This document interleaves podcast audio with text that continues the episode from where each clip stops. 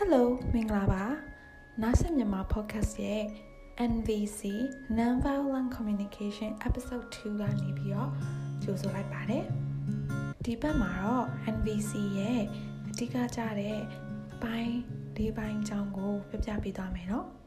NVC ကိုကမ္ဘာအနှံ့အပြားနဲ့လူတဦးတယောက်ချင်းစီအတွက်စပြီးမိတ်ဆက်ပေးခဲ့သူကတော့ဒေါက်တာမာရှယ်ဘီရိုဇန်ဘတ်ဖြစ်ပါတယ်။ NVC ရဲ့ရေပူရလက္ခဏာတွေအကြောင်းပြောရမယ်ဆိုလို့ရှိရင် NVC မှာ I statement ကိုအသုံးပြုပြီးတော့စကားပြောတယ်။ I statement ဆိုတာကိုဖက်ကိုနေရာကိုခံစားချက်ဖက်ကနေပဲတစ်ဖက်လူကိုအဖြစ်တင်တဲ့အသုံးလုံးမပါဘဲနဲ့စကားပြောတာကိုပြောတာဖြစ်ပါတယ်။ပြီးရင်အကြမ်းဖျင်းယူဆတာတွေကိုရှောင်တယ်။တစ်ဖက်လူပြောတာတွေကိုနားလည်ဖို့အတွက်နားထောင်တယ်။ကိုခံစားချက်တွေနဲ့ဆက်သွယ်မိပြီးတော့ ခံစားချက်တွေကိုခွဲခြားသတ်မှတ်တယ်။ကိုချင်းစာစိမ့်နဲ့ပြောဆိုဆက်သွယ်တယ်။ဒေါက်တာရိုဇန်ဘတ်က NVC နဲ့ပတ်သက်ပြီးလောက်ကင်တဲ့ဆရာဝန်တွေကို NVC မှာပါဝင်တဲ့အဓိကအပိုင်း၄ပိုင်းပေါ်မှာအာရုံစိုက်ဖို့ပြောပါတယ်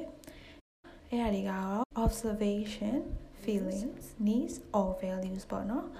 ။ပြီးရင် request ဆိုပြီးတော့၄ပိုင်းပေါ့နော် ဒီ NVC ကိုသုံးပြီးတော့ဒီ OF and R ဆိုတဲ့အပိုင်းလေးပိုင်းကိုစပြီးတော့သုံးတော့မယ်ဆိုလို့ရှိရင်ပထမဆုံး observation လေ့လာပါ observation လေ့လာတယ်ဆိုတာကအကဲဖြတ်တာဝေဖန်တာနာမည်တက်တာပိုင်းခြားတာအတိတ်ပဲပေါ်တာဒါတွေနဲ့မတူဘူးเนาะ observation ဆိုတာကိုမြင်ရတာကိုကြားရတာကိုဘတ်လိုက်တာတွေဘာအစွဲမှမပါဘဲနဲ့ just observe သတ်မှတ်ပါလေ့လာပါပြီးရင်နောက်တစ်ခုက feelings ခံစားချက်ခံစားချက်ကိုပြောပြပါခံစားချက်ဆိုတဲ့နေရာမှာလဲခံစားချက်ဆိုတာယူဆချက်နဲ့မတူဘူးเนาะတစ်ဖက်လူရဲ့အပြောဆိုအလောက်ကင်နဲ့ပတ်သက်ပြီးတော့ကိုထင်နေတဲ့ကိုယူဆထားတဲ့အရာတွေမဟုတ်ပဲねကိုခံစားနေရတဲ့ခံစားချက်အရင်အမြင့် ကိုခန္ဓာကိုယ်ကနေခံစားနေရတဲ့ခံစားချက်အစစ်အမှန်ကိုပြောပြခိုင်းတာဖြစ်ပါတယ်။နောက်တစ်ခု needs လိုအပ်ချက်များလိုအပ်ချက်လို့ပြောတဲ့အခါမှာလေလိုအပ်ချက်ဆိုတာနီးဗျူဟာတွေ strategy တွေပေါ့နော် blaming လုပ်တာတွေအဖြစ်တင်တာတွေတစ်ဖက်လူကိုဒါလှုပ်တဲ့နယ်ဒါလှုပ်ဖို့လိုတယ်လို့ပြောတာ ਨੇ မတူပဲနဲ့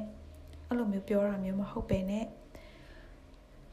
ဒီကျမတို့လူသားတွေအကုန်လုံးမှာအခြေခံရှိတဲ့အခြေခံလိုအပ်တဲ့လိုအပ်ချက်တွေတန်ဖိုးတွေအဲ့အရာတွေပေါ့နော်။ကင်တွယ်လို့မရတဲ့အရာတွေတခြားလူနဲ့မသက်ဆိုင်ဘူး။တခြားလူကလုပ်တဲ့အပြုအမူတွေ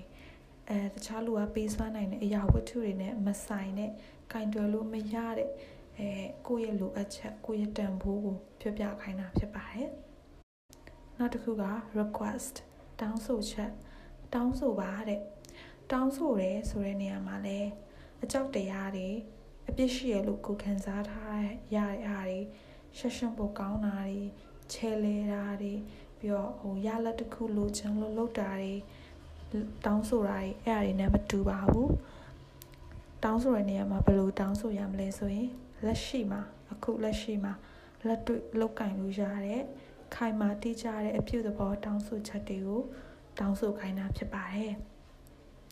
ဒီလေးခုကိုသုံးပြီးတော့ NVC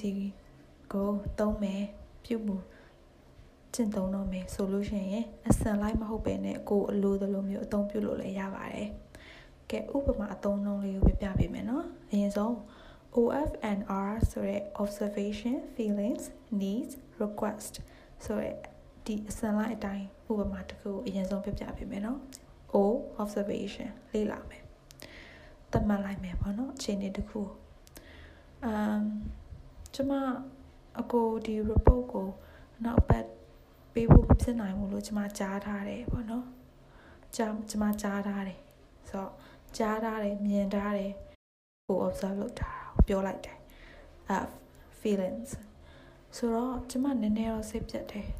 စိတ်လည်းစိတ်ပူမိတယ်ဟာကိုယ့်ရဲ့ feelings ကိုပြောပြတာပေါ့နော်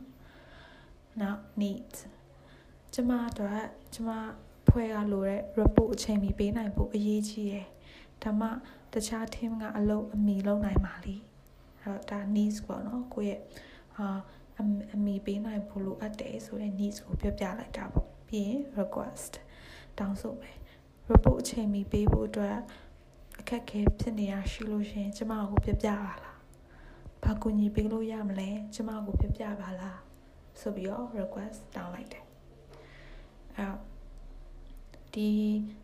အစင်လိုက်ဥပမာလေးကိုတစ်ချက်ပြန်နားထောင်ကြည့်ပြီးတော့နားလည်အောင်လုပ်ကြည့်ကြည့်ပါဒီထဲမှာ violence ဖြစ်တာတခုမှမပါဘူးပြီးတော့ကိုယ့်ဘက်ကနေပဲသူများကိုအပြစ်တင်တဲ့သဘောအပြစ်တင်တဲ့သဘောမပါဘဲနဲ့ပြောတယ်ပြီးရင် compassion အဲဂရုဏာစိတ်အပြည့်နဲ့ပြောတယ်ပေါ့နော်ဒီထက်ပိုကောင်းတဲ့ example တွေအများကြီး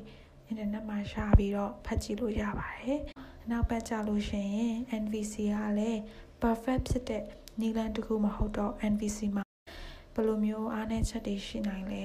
အဲဘာတွေဟိုစင်ချင်တက်လဲဆိုတာတွေကိုနောက်ပတ်မှာပြပြပေးသွားမယ်နော်ဒါဆိုလို့ရှိရင်ဒီတစ်ပတ်တော့ဒီလောက်နဲ့ပဲနှုတ်ဆက်လိုက်မယ်နော်